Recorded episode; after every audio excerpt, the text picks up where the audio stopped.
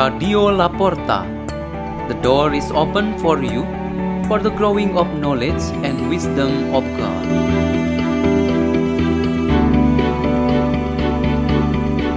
by Odiri Meggison from Lagos, Nigeria.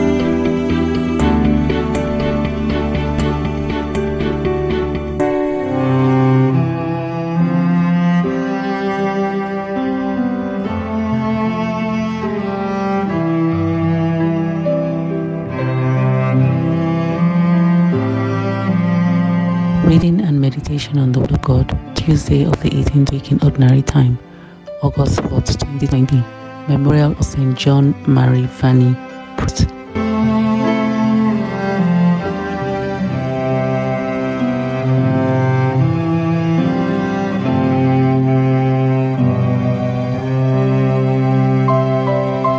The Gospel of Jesus Christ according to Matthew. Jesus made the disciples get into a boat and precede him to the other side of the sea, while he dismissed the crowds. After doing so, he went up on the mountain by himself to pray. When it was evening, he was there alone. Meanwhile, the boat, already a few miles offshore, was being tossed about by the waves, for the wind was against it. During the fourth watch of the night, he came toward them, walking on the sea. When the disciples saw him walking on the sea, they were terrified. Is it a ghost? They said, and they cried out in fear. At once Jesus spoke to them. Take courage, it is I. Do not be afraid. Peter said to him in reply, Lord, if it is you, command me to come to you on the water. He said, Come. Peter got out of the boat and began to walk on the water toward Jesus. But when he saw how strong the wind was, he became frightened and beginning to sink. He cried out, Lord, save me! Immediately Jesus stretched out his hand and caught him and said to him, O you of little faith, why did you doubt? After they got into the boat, the wind died down. Those who were in the boat did him homage, saying, Truly, you are the Son of God. After making the crossing, they came to land at Gennesaret. When the men of the, that place recognized him, they sent word to all the surrounding country. People brought to him all those who were sick, and they begged him that they might touch only the tassel of his cloak.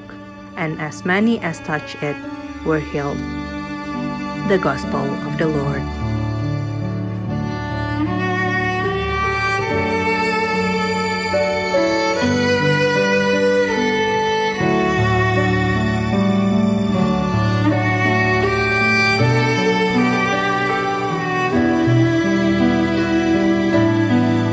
Meditation today has a theme Do not let the blind lead the blind.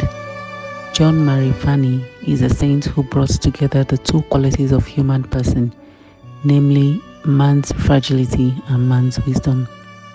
During the years of formation and education, then until he became a priest, John was known to be very weak or fragile in the aspect of intellectual ability to study.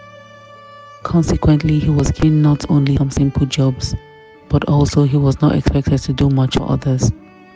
It was natural that he was underestimated with such expression. Do not let the blind man guide the blind man. He was simply a man who did not have enough knowledge, and how could he as a priest teach and guide people? However, as we all know very well, that God always empowers the little ones. John was enriched by the Lord with the divine blessings, then was made a very special priest that the church and the people of his time truly needed.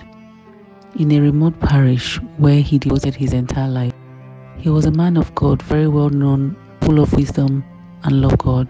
People came from all over France and the world to meet him for confession, good spiritual guidance, prayer intentions, and blessings. For the Catholic Church, this latter saint is the patron of priests, especially the parish priest. John's main task was to guide the people in the way to God.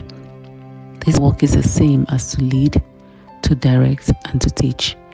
There should be someone who has more quality and who is trusted to do this work. The work of guidance, teaching, or leading cannot happen as it is expected to be there if no trust is given. The work of guidance relies very much on the two important human qualities within us, namely reason, which is the intellectual aspect, and faith, which is the divine wisdom. The prophet Jeremiah used these two qualities in order to develop awareness and believe the people of Israel about the punishment and blessings that were properly being given to them by the Lord. The Pharisees and the scribes were condemned by Jesus because, added to their being very strong in the rejection of Jesus Christ, they actually led many common people not in the way towards God, but to be away from God. They were not like Jeremiah, John Mary Vianney, and Jesus himself. They were the people and many other in the same pattern who are actually blind about living out the true faith, yet they assume an authority to lead many other people who want to grow in true faith and who still need to learn more on the faith in God. So, our great challenge today is to strengthen ourselves with intellectual and faith qualities and to remain true followers of Christ so that we do not fall into sin that causes others also to sin. Let us pray. In the name of the Father, and of the Son, and of the Holy Spirit. O Lord and our God, may our words and deeds always be the right guidance for our neighbors. Glory be to the Father, and to the Son, and to the Holy Spirit, as it was in the beginning, is now, and ever shall be, world without end. Amen. In the name of the Father, and of the Son, and of the Holy Spirit. Amen. Radio La Porta. The door is open for you.